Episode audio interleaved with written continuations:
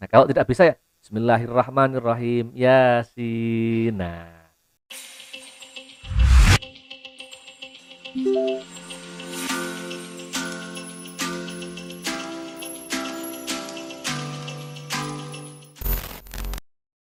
Assalamualaikum warahmatullahi wabarakatuh. Waalaikumsalam warahmatullahi wabarakatuh.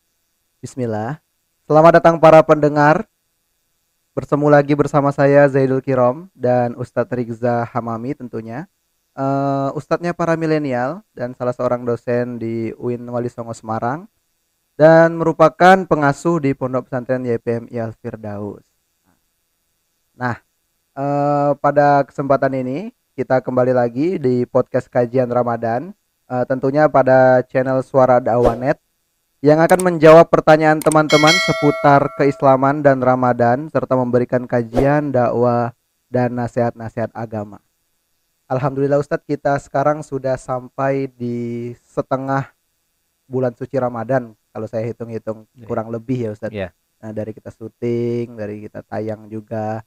Nah, eh, kalau ini dalam tidak suat dalam eh, bukan situasi Covid, biasanya semakin kita ke akhir Ramadan itu masyarakat itu kebalik malah semakin semangatnya berkurang. Ustaz. Semangatnya berkurang ya. Jamaah di masjid itu semakin ke depan Iya. biasanya. Biasanya makin pindah ke sepi. mall ya. Iya.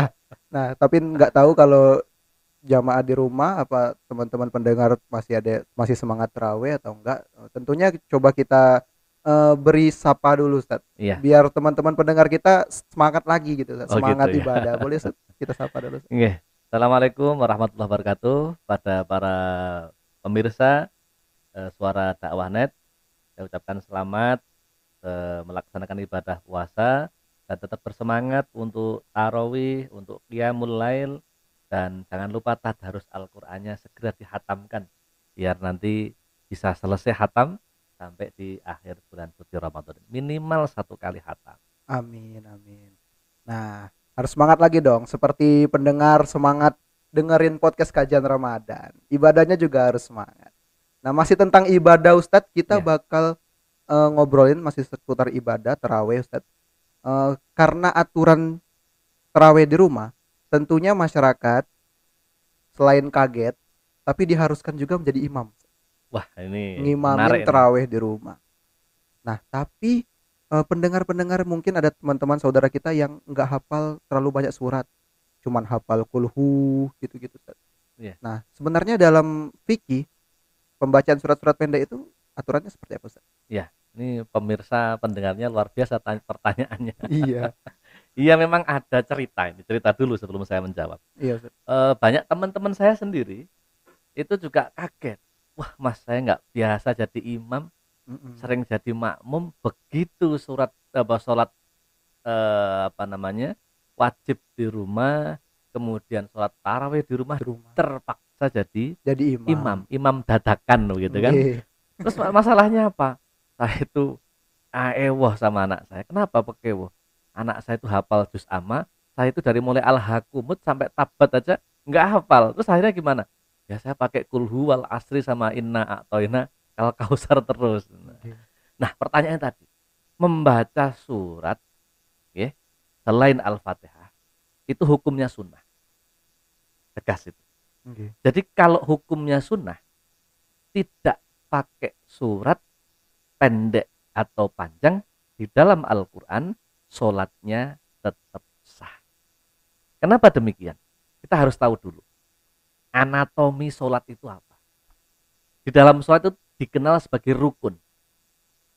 Ada rukun yang namanya rukun kauli, ada rukun yang namanya rukun fi'ali ibadah yang harus dilaksanakan di dalam rangkaian sholat yang berbentuk kauliyah, ucapan-ucapan. Oke. Ada ibadah yang bentuknya adalah kauli, afi'li, atau gerakan, Gerakan. atau tindakan-tindakan. Oke. Nah, rukun yang bersifat kauli, bersifat ucapan tadi, Iya. perkataan, itu hanya ada lima.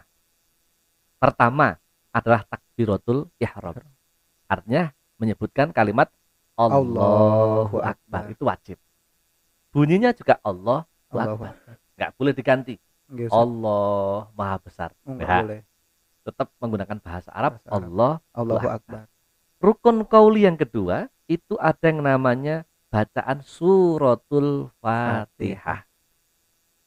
Dari mulai bismillahirrahmanirrahim baik bil jahri atau bisirri bagi mereka yang meyakini bismillah adalah min ayati suratil Fatihah. Karena ada sebagian yang menganggap bahwa Fatihah bismillah tidak bagian dari Fatihah. mayoritas pendapatnya Imam Syafi'i menyebutkan bismillah adalah bagian dari suratul Fatihah. Fatihah. Dibaca bisiri atau bil jahri. Bil. Baiknya bil jahri kan bismillah.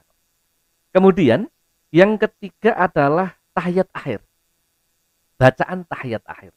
Maka kalau di Kudus itu Mas, di tempat Iya. saya, sebelum kita belajar Al-Qur'an, Al-Fatihah, Alif Lam Mim, kemudian saya kulus sufaha itu kan, Iya. itu belajarnya apa? Fasih baca Fatihah dulu, fasih baca tahiyat akhir dulu, baru belajar Al-Quran. Kenapa demikian? Ini yang diajarkan oleh Mbah Kiai Haji Arwani Amin di Kudus. Biar sholatnya itu benar rukun kaulinya. Itu sampai segitu. Iya. Jadi Fatihahnya benar. Dulu belajar Al-Quran tuh baca Fatihah sebulan sampai tiga bulan. Almarhum bapak saya itu berbulan-bulan hanya belajar membaca Fatihah yang fasih. Kemudian yang keempat rukun kauli itu adalah solawat pada Rasulullah Shallallahu Alaihi. Wasallam. Kemudian yang kelima adalah salam. Assalamualaikum warahmatullah. Nah, di luar rukun yang jumlahnya 17 tadi Iya. sudah terkurangi lima itu bersifat Kauli. yang 12 itu rukun fi'li. Ada yang namanya niat Iya. ya itu talafutnya niat itu sunnah. Usolli itu niat Usolli. tapi berniat itu menjadi rukun ada qiyam al, eh, apa namanya qiyamun alal qadir. Berdiri bagi, Bagi. orang yang mampu di dalam sholat fardu. Ada yang namanya ruku tumak ninah di dalam beberapa aspek tindakan itu. Kemudian i'tidal sujud eh, duduk di antara dua sujud. Kemudian qu'ud fit tasyahud eh, duduk ketika apa tahiyat Tasyahud. tadi tasyahud. Kemudian ada tartib. Nah itu bagian dari 17 rukun sholat. Sholat. Di dalam rukun ini kan tidak ada yang namanya pembacaan surat. Iya. artinya apa? Tidak ada masalah. Gak ada masalah. tidak ada masalah. Namanya kondisi begini ya. Tapi tapi karena Ya. ini sunnah ya baiknya belajar minimal ya tadi- minimal tadi tiga Quran khas yang spesial. Dalam juz 30 surat al-ikhlas kul huwallahu ahad Iya. wal asri sama inna a'toina kal Kal kaus itu surat-surat favorit. Nah kalau tidak bisa ya Bismillahirrahmanirrahim. Yasin. Nah Bismillahirrahmanirrahim. Alif Lam Mim. Minimal. Bismillahirrahmanirrahim. Nun. Nah itu kan artinya ada usaha untuk tetap melakukan sunnah. Toh sunnah membaca apa tadi? Surat, Surat-surat pendek, ya. Surat itu juga tidak termasuk sunnah abad. Artinya apa? Kalau tidak membaca surat pendek tadi tidak disunnahkan sujud sujud sahwi Sujud sahwi. tapi kalau sunnahnya sunnah abad apa itu sunnah abad ada tujuh sunnah sunnah abad ini kalau ditinggalkan dituntut untuk disarankan untuk sujud, Sujud sahwi. sahwi. ini tidak kalau sunnah apa eh, kalau Surat pendek. membaca surat pendek Mm, kalau sunnah abad ya harus harus sujud sahwi. sujud sahwi. Apa antara lain? Misalnya tasyahud atau tahiyat pertama, tahiyat awal. Kok lupa? Sujud sahwi. Kemudian duduk tasyahud awal. Kok lupa?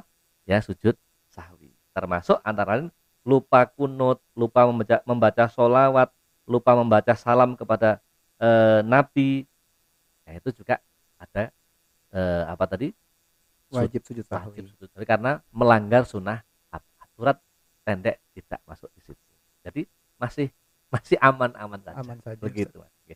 Berarti kalau kita hafalnya cuma Al-Fatihah ya Al-Fatihah saja. al-fatihah saja nggak ada masalah tapi kalau tadi saran saya mosok yang namanya kulhu nggak Iya, hafal bisa itu kan hafal. tapi kan kita nggak tahu masyarakat kita muslimnya kan juga banyak Iya, aneka Ustaz. ragam begitu Nah, berarti momen aturan sholat di rumah ini harus dimanfaatkan bagi Belajar. kita yang untuk belajar ya untuk Ustaz. belajar semuanya jadi mempersiapkan mudah-mudahan diri. nanti setelah corona ini banyak imam-imam baru untuk Oh, masjid dan nggih. musola kita. Mm-mm. Karena Betul. nggak selamanya kita jadi makmum ya Ustaz. Tentunya Iya. para laki-laki yang bakal suatu saat juga akan Wah, jadi imam. Ini sudah mulai ke sana Iya, sana. ke sana lagi kan Ustaz. harus belajar dari imam Harus betul. jadi Iya, imam. nggih, harus jadi imam. Minimal untuk istrinya. Iya, buat anak-anaknya buat juga. Anak-anaknya, betul.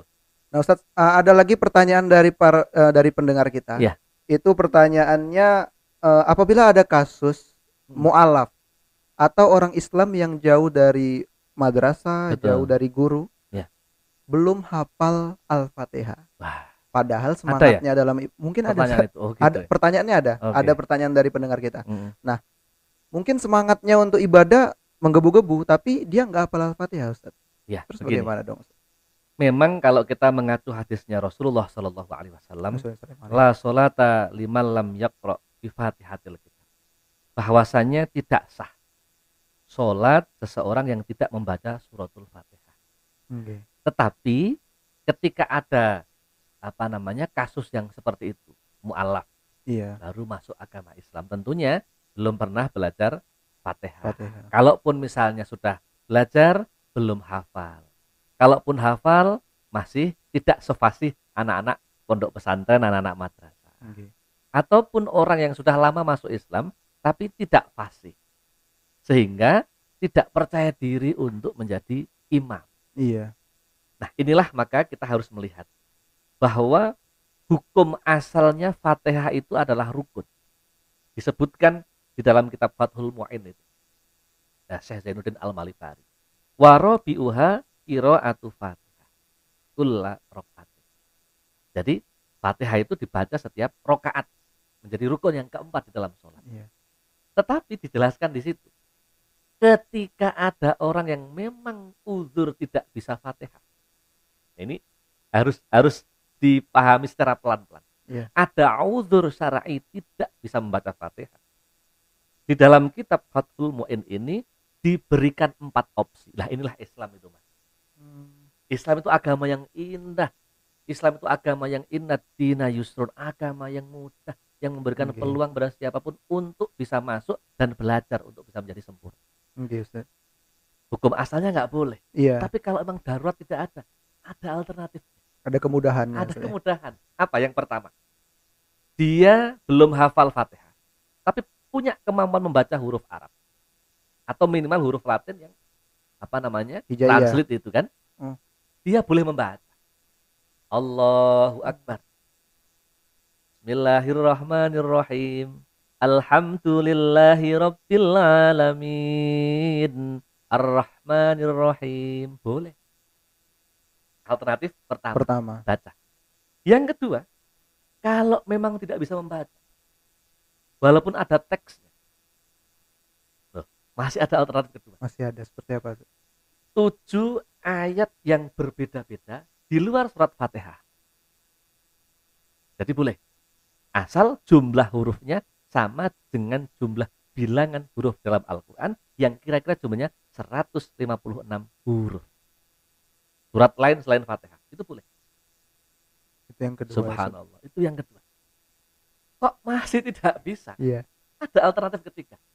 Apa itu?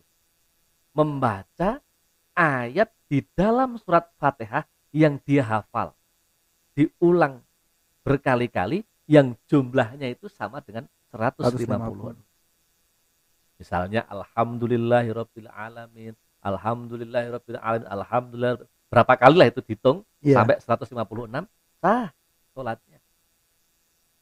Loh, indah kan? iya. Berislam itu Diberi ada kemudahan. keterangan di dalam kitab kuning kitab para pesantren itu. Iya. Kok tidak bisa lagi? Oh, masih ada. Masih Bin ada. solate kisah bicara. Iya, gimana itu? Ustaz? Biar sholatnya itu tetap sah. Dijelaskan dalam kitab ini mereka bisa membaca zikir. Subhanallah walhamdulillah wala ilaha illallah wallahu akbar. subhanallah. Ini kan masya Allah. Tetapi alternatif-alternatif yang diberikan oleh mualif kitab ini Iya. tentunya didorong kemudian sambil belajar sambil belajar sambil menghafal Al-Quran karena itu adalah rukun yang bersifat kauli jangan kita takut-takuti pada teman-teman yang tadi mualaf atau Iya. teman-teman yang nggak pernah ke madrasah hati-hati loh sholatmu gak sah. Iya. jangan kita latih mereka. Kita dorong ayo belajar. Aku belum bisa ini boleh boleh baca. Aku belum ba- bisa baca ini boleh nyari a- eh, ayat yang lain. Fatihah boleh diulang-ulang salah satu ayatnya. Oke. belum bisa udah pakai zikir saja. Sah itu sah dia bersemangat Iya. dirangkul ayo belajar fatihah ayo hari pertama alhamdulillahirabbil alamin hari kedua ar-rahmanir-rahim hari ketiga maliki yaum tujuh hari kan selesai itu. Oke. nah syukur-syukur dikasih MP3 gitu kan Iya. setiap hari diulang diulang kemudian apa namanya belajar dengan kita sehingga kesempurnaan dia berislam menjadi lebih baik Lebih harus baik. semangat teman-teman yang mualaf ini jangan Iya. takut hukum Allah itu hukum yang sangat bisa fleksibel tadi. Iya. jangan kemudian sidik-sidik orang itu orang sah. Loh kita cari sahnya bagaimana? Itu fikih namanya begitu. Oke, Ustaz. sehingga apa? Orang masuk Islam ya kan? Jangan ditakut-takuti. Saya itu mau masuk Islam seneng. Tapi takut apa? Takut kalau disunat. Nah Ah, jangan iya. takut-takut sunatnya dulu. Iya. sama dengan tadi Pak saya kepengen jadi imam. Bahasanya hanya fatihah saja. Boleh boleh saya suratnya hanya bisa apa namanya surat kulhu Kulhu. kulhu aja Iya. yang penting ketika setelah selesai fatihah jangan sampai baca surat cinta Aduh. Ya kan? Iya, iya. surat betul, kabar Oke. surat apalagi surat tanah surat keterangan Iya, iya, lulus skripsi enggak yang baca adalah surat di dalam al Al-Qur'an. Al-Qur'an atau berzikir tadi begitu Nah, berarti untuk teman-teman pendengar kalau ada temannya yang mualaf jangan ditakuti ya Ustaz. jangan nggak boleh Iya, nanti malah semangat Disemangati. ibadahnya hilang Betul. ya Ustaz. Iya. Harus terus amal kalau perlu kita Betul. ajarkan ya. Iya. betul Nah, Ustadz untuk mengakhiri podcast ini bisa berikan pesan-pesan untuk pendengar di rumah.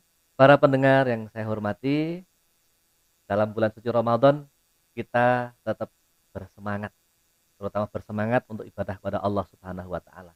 Ilmu yang belum kita miliki mari kita cari. Kepada siapa kita cari ilmu agama? Kepada para ulama, kepada para guru-guru agama, kepada para ustadz. Dengan itu maka hal-hal yang belum kita miliki akan kita miliki setelah kita belajar. Kok masih belum bisa? Ngaji, ngaji, dan ngaji. Terutama para pendengar yang baru menjadi imam-imam di rumahnya tetap bersemangat. Tidak bisa baca Fatihah, belajar agar Fatihah mulai hafal. Belum bisa baca surat, tetap bersemangat untuk belajar minimal surat-surat pendek sehingga kesempurnaan sunnah-sunnah di dalam sholat kita menjadi lebih sempurna. Gitu mas. Alhamdulillah. Nah, eh, semoga penjelasan yang telah disampaikan Ustadz Rizza pada podcast kali ini bermanfaat untuk kita semua. Bagi teman-teman di rumah, eh, persiapkan diri kita untuk menjadi imam karena kita nggak akan selamanya menjadi makmum. Nah, jangan lupa support channel ini dengan cara subscribe dan tinggalkan pertanyaan seputar Ramadan dan keislaman. Bisa di kolom komentar channel Suara Dakwah Net atau bisa juga di akun Instagram official dakwah Ustadz Rizza di @ustadzrizzahamami. Sekian podcast kita pada hari ini. Kita akan berjumpa di podcast-podcast selanjutnya. Jangan berhenti berbuat baik. Wassalamualaikum warahmatullahi wabarakatuh.